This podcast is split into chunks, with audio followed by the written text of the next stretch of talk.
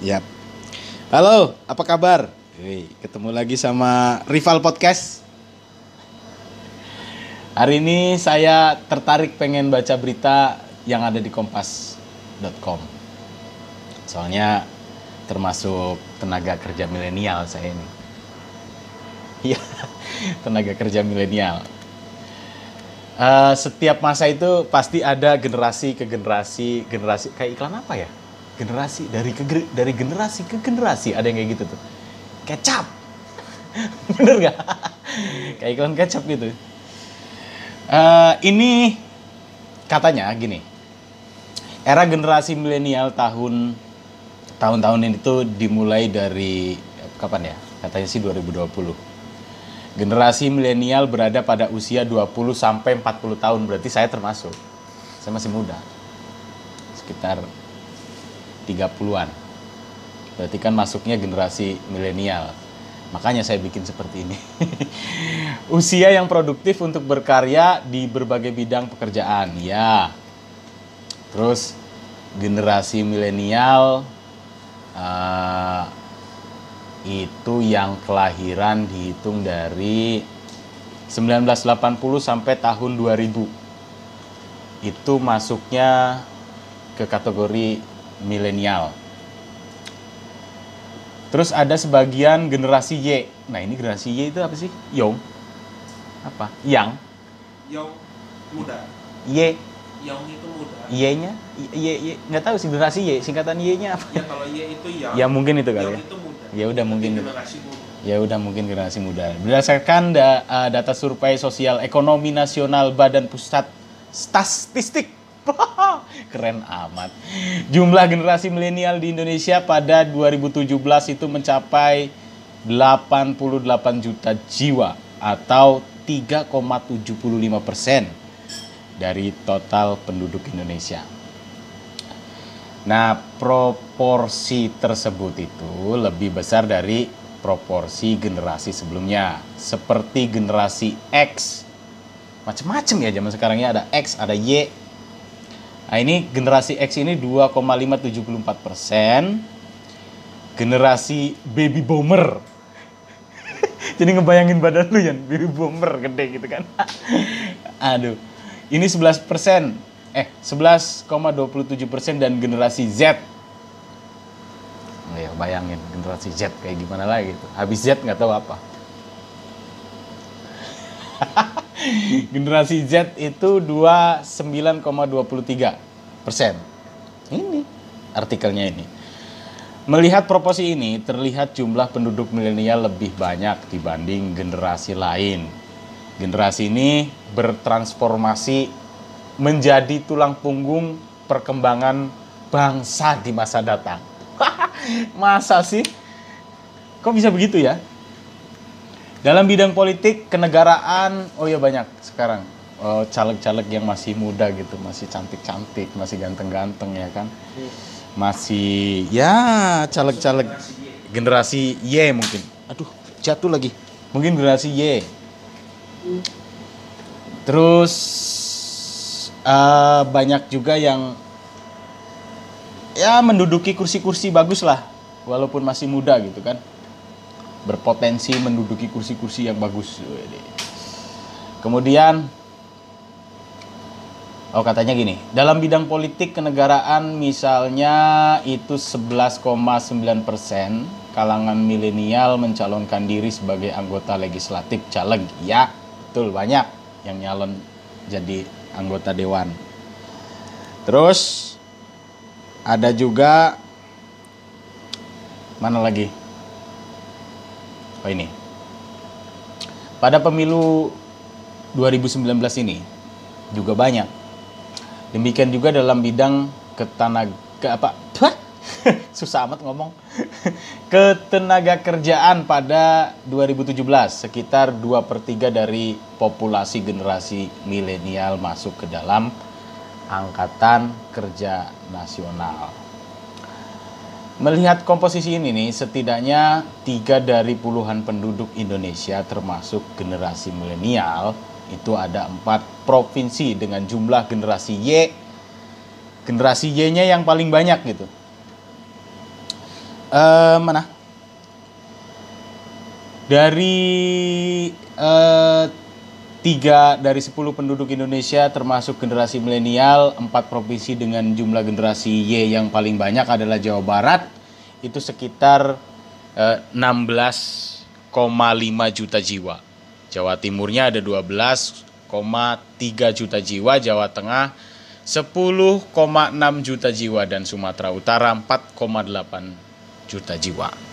Dari jumlah tersebut ini lebih dari separuh tiga di perkotaan yang memiliki akses luas terhadap fasilitas pendidikan, kesehatan, teknologi informasi dan internet. Berangkat dari ekosistem ini, generasi yang seperti ini dikenal memiliki keterampilan yang unggul dalam bidang digital. Bener nggak? Ya jelas benar. Soalnya kan zaman sekarang eh, kita lihat dulu nih komposisi penduduk eh, Indonesia ini menurut kelompok generasi tahun 2017 nih seperti ini. Kita hitung yang paling tua dulu deh, generasi baby boom. Baby boom. Itu kelahiran dari 1946 sampai 1960 baby boom. Rambutnya putih-putih agak bongkok-bongkok ya. Terus lanjut lagi, oh baby boom itu ada 11,27 persen. Kemudian generasi X. Saya tuh berarti masuknya ke generasi mana nih? Oh ntar dulu, berarti bukan generasi X kalau saya. Generasi X itu yang lahir dari 1960 sampai 1980-an. Nah, ini ada 2,574 persen. Sedangkan generasi milenial, termasuk saya, termasuk kamu yang lagi dengerin juga, kalau memang lahirnya di 1980 sampai 2000-an, generasi milenial, ya ini termasuknya kamu-kamu ini dan termasuk saya. Adik-adik kita nih, yang lahir di tahun 2001 sampai 2010, itu masuknya ke generasi Z. Yang lu lahir tahun berapa? 93 berarti masuk ke milenial ya generasi Y ya yes Karena dulu disebutnya itu setelah apa itu Ini. Pak Soeharto lengser itu. Masuklah yang namanya milenial. milenium. Iya. Panji milenium. Inget kan? Nah itu milenium. Milenial. Nah kalau generasi Z itu eh milenial itu ada jumlahnya 3,3 eh 33,75 persen. Terus generasi Z yang lahir dari 2001 sampai 2010 itu eh, totalnya ada 29,23 persen. Kualitas generasi ke generasi. Dari generasi ke generasi. Saya ingat iklan apa ya? Ada itu. Bukan. Iya dah. Iya kan? dari generasi ke generasi. Tidak berlebihan jika harapan perbaikan kehidupan bangsa didasarkan pada generasi ini. Hmm. Jika dilihat dari kualitas sumber daya manusia generasi milenial jauh lebih baik dibandingkan generasi X ya iyalah jelas lebih baik karena kan dulu mah kan boro-boro handphone. Generasi X itu tahun berapa? Generasi X itu 1960 sampai 1980. Ya iyalah. Kualitas lebih baik, gambar TV aja zaman sekarang udah HD, Bro. ya kan? Udah HD kalau zaman dulu ya. Analog. Ya analog terus juga kamera masih kayak gimana hitam putih. Oke. Nah, ini sumber dayanya mungkin lebih baik sekarang ya jelas ya karena sekarang teknologi juga sudah mendukung kali ya. Generasi milenial jauh lebih baik dibandingkan generasi X X 1960 sampai 1980 dan generasi baby boom itu lahir 1946 1960-an. Uh, publikasi profil generasi milenial Indonesia tahun 2018 juga mencatat rata-rata nih. Rata-rata lama sekolah generasi milenial mencapai 10,04 tahun, jauh meninggalkan dua generasi sebelumnya. Rata-rata sekolah generasi X apa? Uh, rata-rata sekolah generasi X itu hmm, adalah 8, 07 tahun. Sedangkan generasi baby boom 4,95 tahun. Ya dari hitungan ini aja udah jelas berbeda dari tahunnya. Kalau zamannya tahun baby boom, tahun kakek saya itu udah sekolah aja untung, bos. Demikian juga dengan angka melek huruf. ya jelas lah. Aduh, sebesar 99,39 persen menunjukkan tingginya modal pendidikan yang dimiliki generasi milenial. Jelas. Sekarang itu banyak banget tuh kursus-kursus, eh, terus sekolah tinggi di luar negeri. Bahkan kalau misal kamu sekolah di mana? Oh, gue di luar negeri dong kuliahnya. Ya kan keren. Pulang-pulang bawa istri. Aduh, ya udah, pokoknya gitu deh. Eh, menunjukkan eh, tingginya modal pendidikan yang dimiliki generasi generasi milenial dengan kemampuan membaca dan menulis menulis itu eh, nyaris mendekati 100% dibanding generasi-generasi sebelumnya. Oke. Kemudian tidak hanya itu saja, pendidikan tertinggi mereka didominasi SMA atau sederajat dan diploma atau universitas lah ya. Hal tersebut juga gambaran betapa potensinya generasi Y itu untuk terus berperan dalam membawa bangsa Indonesia ini eh, ke masa depan yang lebih jauh. Gitu. Oke, dari sisi keter- ketenaga kerjaan, tingkat partisipasi angkatan kerja generasi milenial tahun 2017 itu tercatat sebesar 67,24 persen. Artinya dua per tiga dari populasi penduduk usia muda masuk dalam angkatan kerja.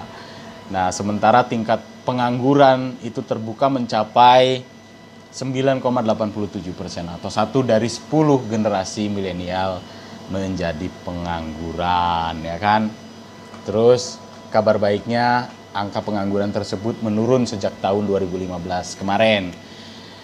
Uh, kontribusi anak muda dalam pasar tenaga kerja dipastikan membawa perubahan dari sisi ekonomi, politik, sosial, budaya seiring indo apa uh, seiring industri 4.0. Ini bahasa kerennya. 4. harus begitu kan milenial.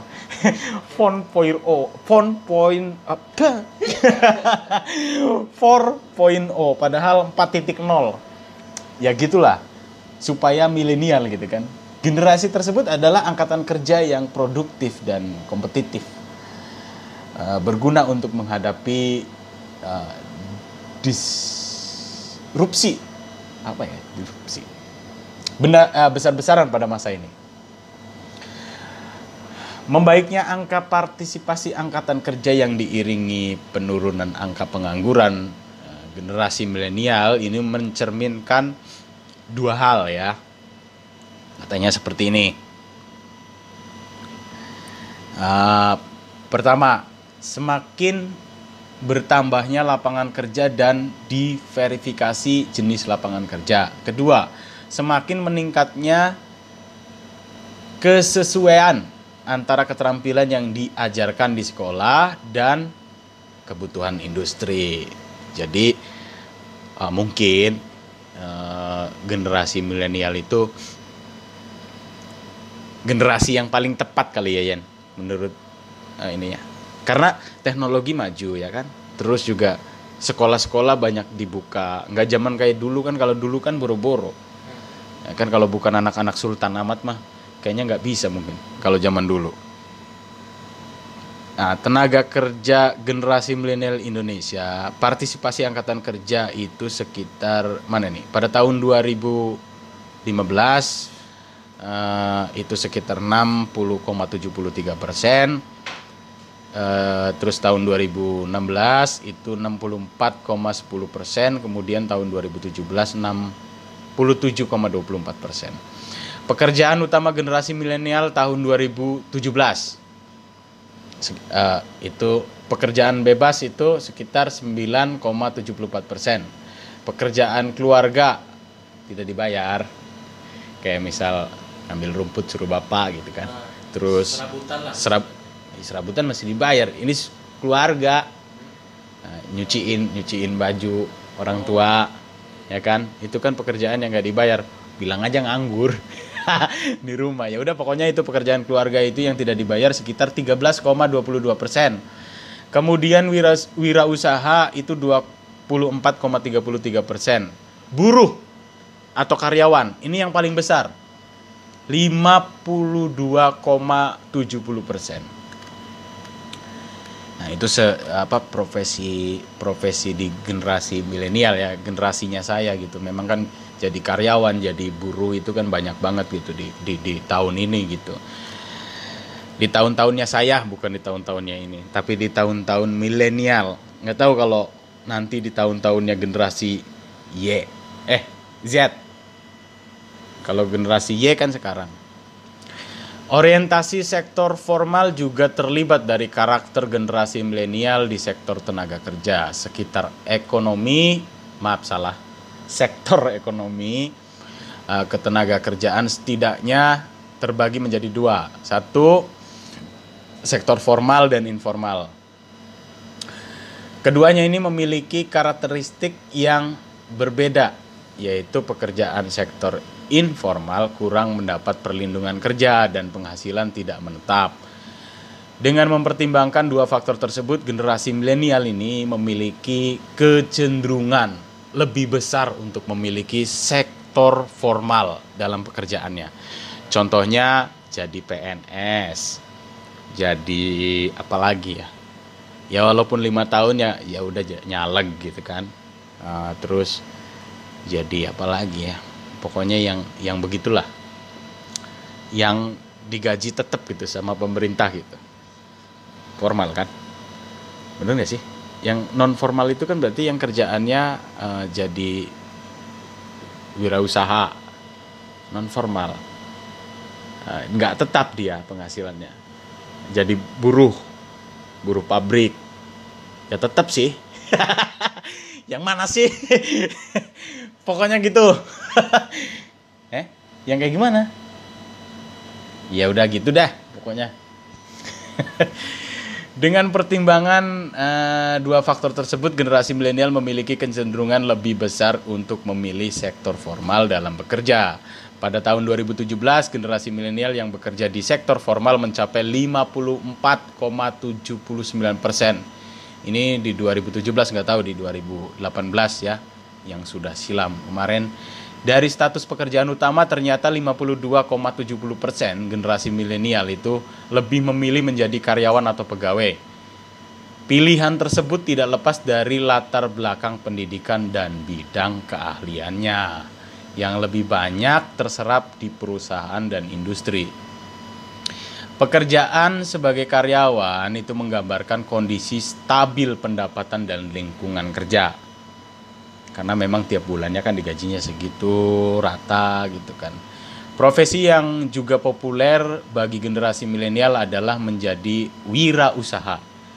Nah, dagang sendiri, buka eh, kafe-kafe, buka macam-macam lah pokoknya ya yang kayak gitu-gitu. Jualan online gitu. Tercatat 24,33 persen popul, populasi milenial menekuni dunia bisnis namun hal serupa tidak terjadi pada sektor pertanian, kehutanan, dan perikanan. Ini memang banyak sih ditinggalin. Ya, saya aja kalau misal ke sawah agak panas-panas gimana gitu ya kan.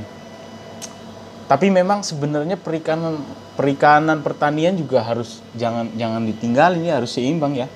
Biar biar uh, jadi negara yang keren gitu ya. Udah satu pendidikan uh, bagus, pertaniannya juga bagus, terus dari sektor apa e, misalkan di perusahaan-perusahaan juga bagus wah. Kalau salah satunya kurang dari pertanian kurang ya impor. Beras impor nantinya. Terus gula apa segala macam impor. Ya, ya kalau kitanya kuat ya nggak jadi masalah. Orang kaya bebas. Sepanjang 2015 hingga 2017 terjadi penurunan minat generasi milenial untuk terjun pada sektor ekonomi primer tersebut. Sektor yang memanfaatkan sumber daya alam secara langsung eh, dalam kurun waktu tiga tahun tercatat terjadi penurunan minat milenial untuk menggeluti usaha bidang pertanian. kehutanan dan juga perikanan sebesar 3,83 persen. Hal tersebut itu sejalan pada pola pikir generasi milenial yang lebih tertarik pada bidang-bidang pengembangan teknologi dan media sosial. Misalkan cari uang di media sosial, ya kan? Eh, youtuber misalkan kayak gitu ya macam-macam lah ya, pokoknya di digital lah di, di, di teknologi banyak pengalaman dan lama kerja menjadi salah satu penentu ya, besarnya upah yang diterima pekerja. Selain itu juga tingginya pendidikan yang telah ditempuh seor- seseorang dapat menentukan pendapatan yang diterimanya. Misalkan S2 ya gajinya harus di atas ya kan. Kalau misal S1 ya agak di bawah gitu. Seorang eh, dapat menentukan pendapatannya yang diterima rata-rata eh, pendapatan yang diterima generasi milenial sebesar 2,3,3 eh 2,33 juta atau 2 juta 300 lah ya per bulannya. Selisih pendapatan yang diterima setiap generasi semakin menurun saja. Nah, jenjang pendidikan yang berhasil ditamatkan, eh, oke, selisih pendapatan yang diterima milenial dengan pendapatan generasi pendahulunya mulai tampak jelas pada latar belakang pendidikannya, diploma dan sarjana.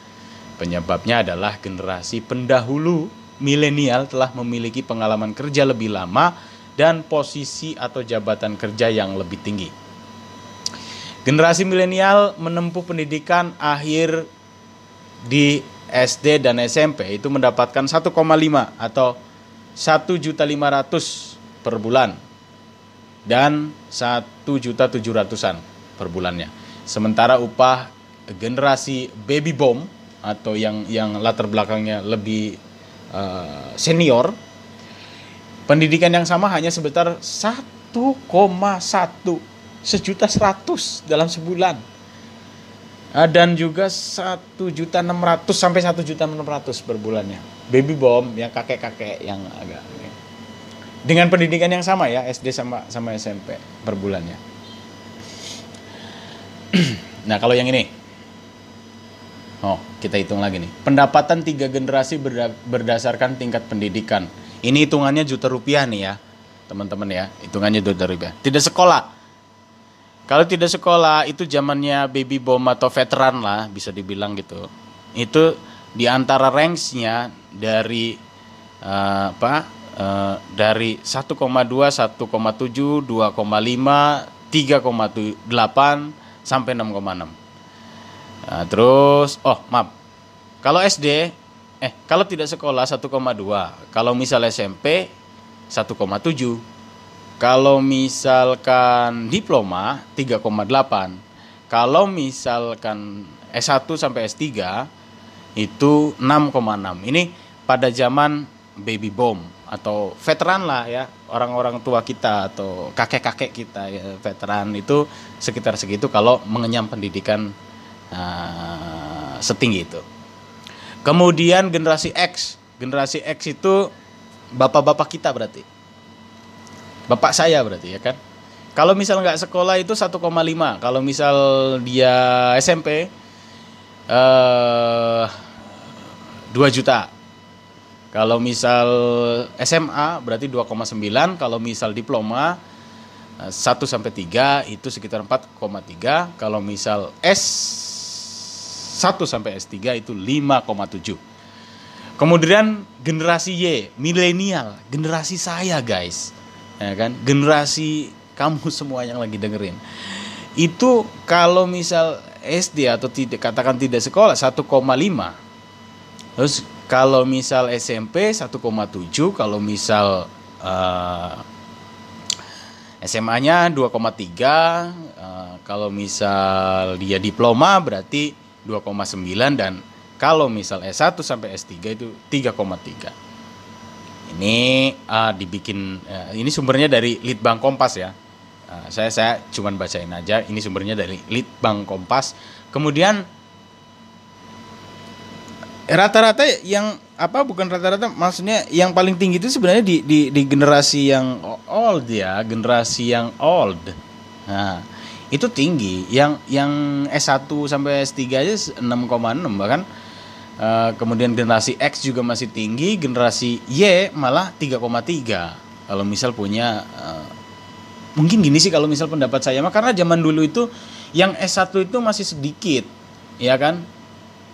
Kalau sekarang kan S1 banyak banget. Nah, ibarat kita itu ngegali emas di pegunungan ya kan. Ya kalau misalnya yang mencarinya makin banyak yo makin dikit dapatnya. blok. kalau dalam Bitcoin seperti itu kali. Kalau misal bloknya makin ini ya makin Mungkin karena tantangan kali ya, tantangan zaman sekarang itu kayak meski dekat dengan teknologi dan internet itu nyatanya masih banyak milenial yang belum memanfaatkan untuk meningkatkan kesejahteraan hidupnya. Hanya 5,08 persen milenial yang menggunakan internet untuk berwirausaha dengan menjual barang atau jasa. Sementara lebih banyak mereka 34,6 eh 34,36 persen yang menggunakan internet hanya untuk kegiatan lainnya saja. Ya, terus sebaik eh, sebaliknya dekat dengan teknologi menjadikan milenial sebagai target pasar bagi penjual berbasis daring. Apalagi pada 2020 Indonesia menjadi pasar digital terbesar di Asia Tenggara dengan jumlah pengguna internet sebanyak 140 juta orang. Nah, ngeri kan? Perusahaan uh, e-commerce kayak tenget nggak usah disebutin itu menyebutkan bahwa konsumen terbesar saat ini adalah penduduk berusia 25 sampai 30 35 tahun. Ini ini menurut survei dari dari uh, penjual online ya. Uh, salah satu salah satu perusahaan penjual online besar juga di Indonesia. Sementara survei perusahaan riset pasar IPOS IPOS Indonesia yang dilakukan pada 40 eh 400 responden yang 64 persennya adalah milenial itu menyebutkan bahwa 73 persen responden berbelanja daring sebulan sekali ya kan mayoritas responden adalah pekerja dengan pendapatan di atas 3,3 juta per bulannya peran generasi milenial di dunia kerja memang beragam seperti terlihat dari pilihan pekerjaan hingga upah dan besar pengeluaran tiap bulannya. Titik dasar karakter generasi ini adalah lekat dengan keterampilan teknologi dan digital. Jika pemerintah bisa mengelola kemahiran mereka ini, potensi e, bangsa itu terbuka lebar ya kan untuk meraup keuntungan bonus demografi dari generasi ini. Terlebih untuk menyambut persaingan di era industri 4.0. 4.0 era yang menjadi tantangan bagi generasi milenial saat ini. Ya, begitu. Dan saya baca ini dari Kompas ID karena saya tertarik dengan judul Potret Tenaga Kerja Milenial Indonesia. Ya, bagi yang bagi kamu yang eh, lahiran di era-era milenial seperti saya, berarti kita siap berkompetisi. Ya kan? Kita siap eh, apa ya? Ya, majulah pokoknya. Terima kasih banyak sudah mendengarkan podcast di Rival Podcast. Nanti kita ketemu lagi di episode berikutnya dengan pembahasan atau berita menarik. Ya, sampai jumpa.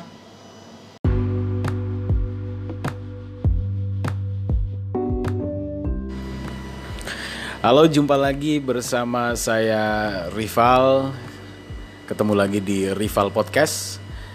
Dan hari ini saya ingin membahas masih tentang podcast juga. Hosting gratis yang bagus untuk podcast pemula seperti saya, seperti Anda, seperti yang lainnya. banyak hosting eh, yang menyediakan untuk podcast podcast untuk menyimpan file audio kita.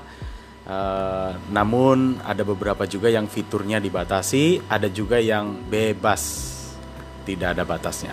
Ada juga yang modalnya besar, kita bisa nyewa hosting di tempat uh, di mana podcast kita akan diputar. Ada juga yang menggunakan server VPS. Ya macam-macam lah. Uh, masih bicara tentang podcast, ya memang podcast ini sebenarnya sudah populer di luar negeri, tapi kalau untuk Indonesia belum begitu ramai. Tidak seperti youtuber. Kalau youtuber itu kan di mana-mana anak-anak juga kecil-kecil kalau misal ditanya mau jadi apa nih mau jadi youtuber katanya karena kalau youtuber itu uh, lebih ya lebih populer saja gitu ya ketimbang podcast. Tapi jangan salah suatu saat mungkin podcast juga akan seperti YouTube ya kan? Ya siapa tahu kita nggak tahu. Podcast sendiri itu sudah ada sejak tahun 2001 sejak uh, waktu produknya dari Apple dikeluarkan namanya iPod. Nah itu uh, podcast juga lahir pada saat itu. Dan kalau di Indonesia ya jelas nggak begitu menjamur karena penyuka iPod juga kebanyakan dari luar negeri sana. Kalau di Indonesia kan belum belum begitu ya populer lah ya eh, podcast podcast eh, atau audio on demand yang audio disimpan kemudian nggak pakai kaset lagi gitu nggak pakai flash disk lagi gitu kan kalau misal kita pengen menjadi pos, apa podcaster ya tidak salahnya kalau memang kita itu menyiapkan segala sesuatunya dari topik yang akan kita bahas sebelum kita membuat channel atau membuat kanal podcast kita.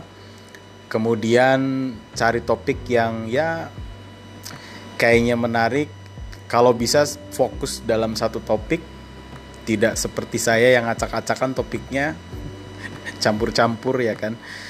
Uh, iya podcast itu mirip sih sebenarnya kalau memang mencari uh, topik itu. Seperti kayak seorang youtuber itu biasanya kalau mau membangun channel itu topiknya biasanya satu topik yang akan dia bahas. Misalkan review handphone kemudian uh, apa tutorial masak, tutorial komputer dan lain sebagainya.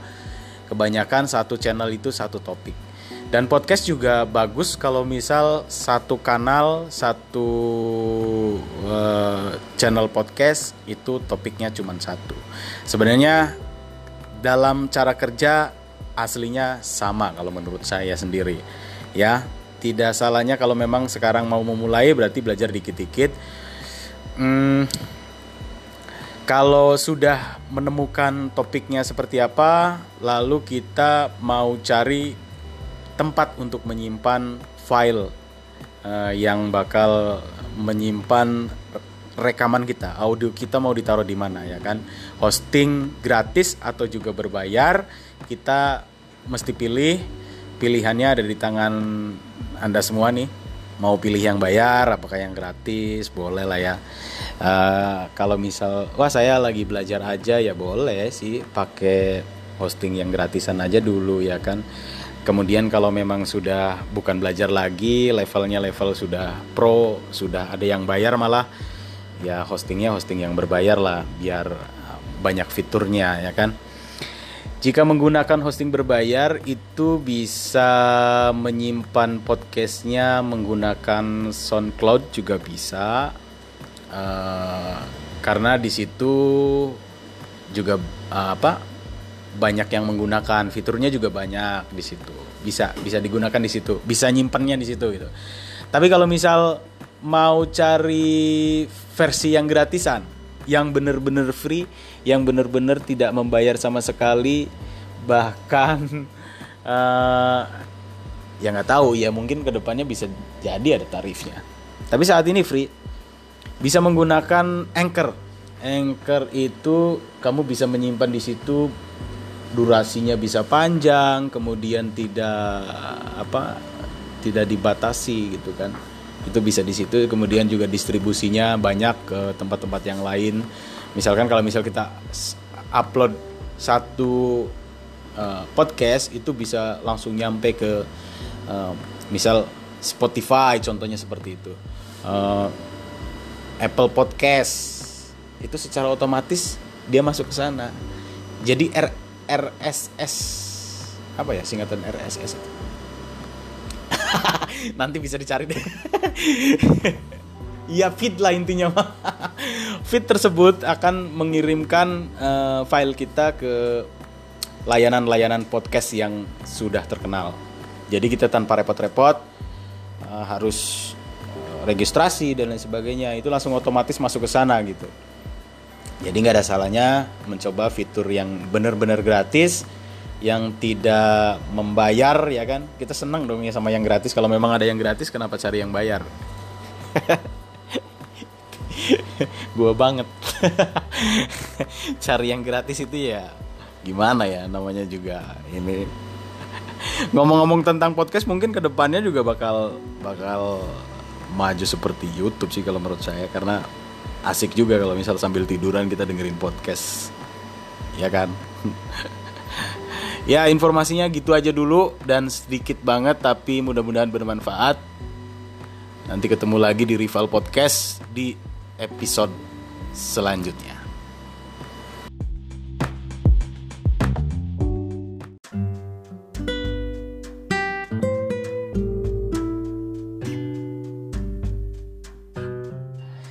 Halo, ketemu lagi di Rival Podcast. Dan kali ini saya pengen bahas atau bercerita tentang teman saya. Jadi ceritanya gini, tadi sore itu teman saya inbox ya.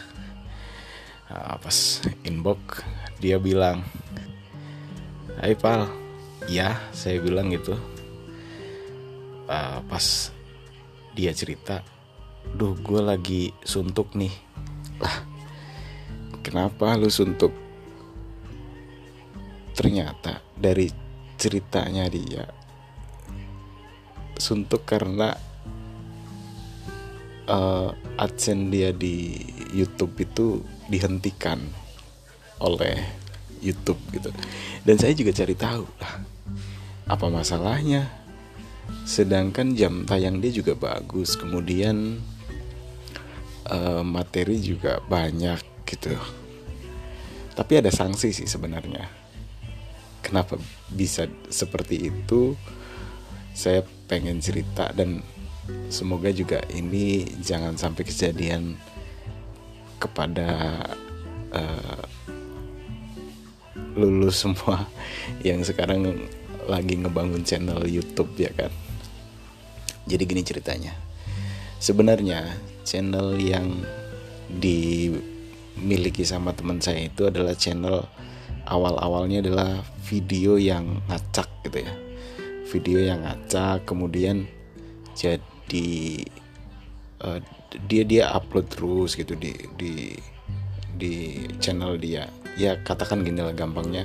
Dia itu sebagai apa re-upload kali ya. Saya pikir begitu sih. Soalnya pas eh, tadi dilihat dari apa dari laporan atau pemberitahuan dari YouTube itu ternyata akunnya itu akun AdSense-nya di suspend gara-gara dia melanggar aturan yang sudah ditetapkan oleh YouTube. Karena peraturannya kan sekarang kan ya nggak sekarang nggak dulu sih. Cuman yang mereviewnya itu berbeda dengan yang dulu ketimbang sekarang gitu. Kalau yang dulu itu kan eh, apa? Kalau yang dulu itu yang review atau yang sering ngecek ke channel eh, YouTube yang ada itu dengan robot gitu kan. Tapi kalau sekarang eh, konon katanya sih menggunakan orang gitu. Memiliki staf khusus yang untuk ngecek eh, berbagai channel gitu kan. Kelayakannya dan lain sebagainya. Itu dicek dari situ apakah dia melanggar pedoman YouTube pedoman komunitas ataukah tidak. Nah, itu semua dicek sama manusia makanya bisa ketemu bisa ketahuan gitu. Kayak contoh saja uh, saya membuat satu video tapi ternyata dalam satu video itu saya di mobil waktu bikin satu video ada suara musik yang masuk gitu. Ada suara musik yang masuk dari uh, dari suara uh, CD dalam mobil gitu kan. Itu langsung terkena sama uh, CR gitu. Padahal kan yang dominasi sebenarnya suara saya ketimbang suara musik itu suara lagu itu. Tapi memang karena yang mereview juga sudah bukan uh, robot bahkan lebih canggih lagi kalau sekarang lebih selektif lagi. Akhirnya ya dibilang saya melanggar lah dan lain sebagainya gitu. Akhirnya ya mau nggak mau dong suara saya harus dihapus.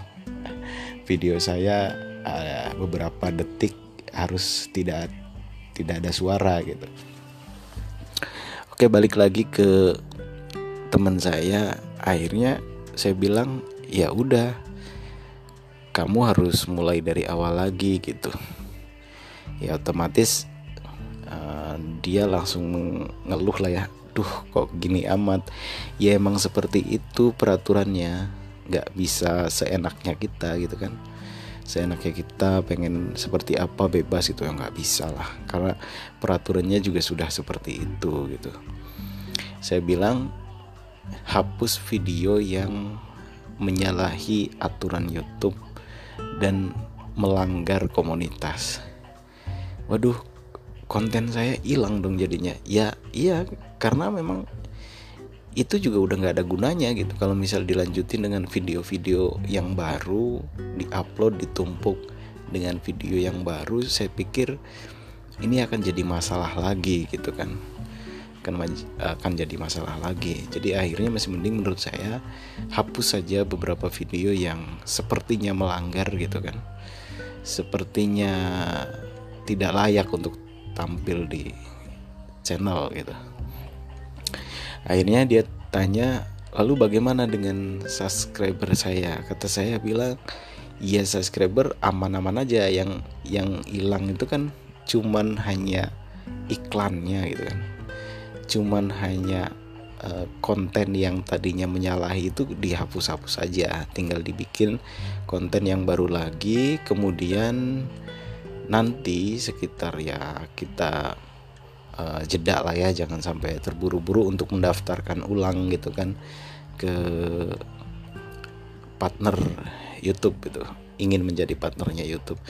Jadi ya terus upload aja dulu beberapa bulan kemudian dicoba lagi untuk uh, mendaftar menjadi partnernya YouTube gitu.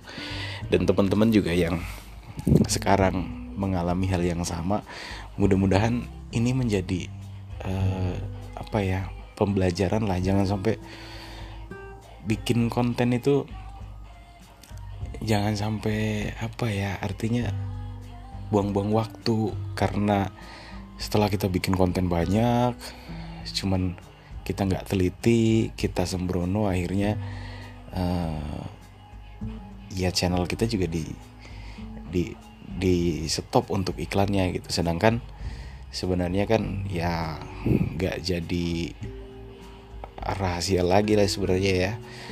Eh, keuntungan atau mendapatkan fee dari uh, YouTube itu juga sangat penting buat kemajuan kita dari mulai kalau misal mendapatkan penghasilan bisa upgrade uh, alat ya kan? Bisa menambah uh, apa kostum-kostum misalkan uh, untuk membuat konten kemudian bisa uh, banyak hal yang kita lakukan ketika sudah mendapatkan hasil dari YouTube.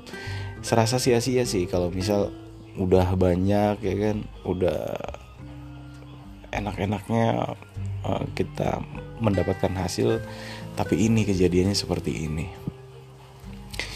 Uh, ini cerita diri saya sendiri ada berapa itu berapa kali? Dua kali saya itu. Bahkan kalau saya terkena suspend yang sangat fatal pada saat itu. Karena memang uh, benar-benar saya itu reuploader itu sekitar tahun uh, 2016-an 2016-an saya uh, bikin channel dan isinya reuploader. Padahal yang di reuploader itu sebenarnya bukan bukan lagu-lagu uh, atau uh, konten-konten uh, yang terkenal. Misalkan ada youtuber siapa bagus saya ambil di upload bukan seperti itu.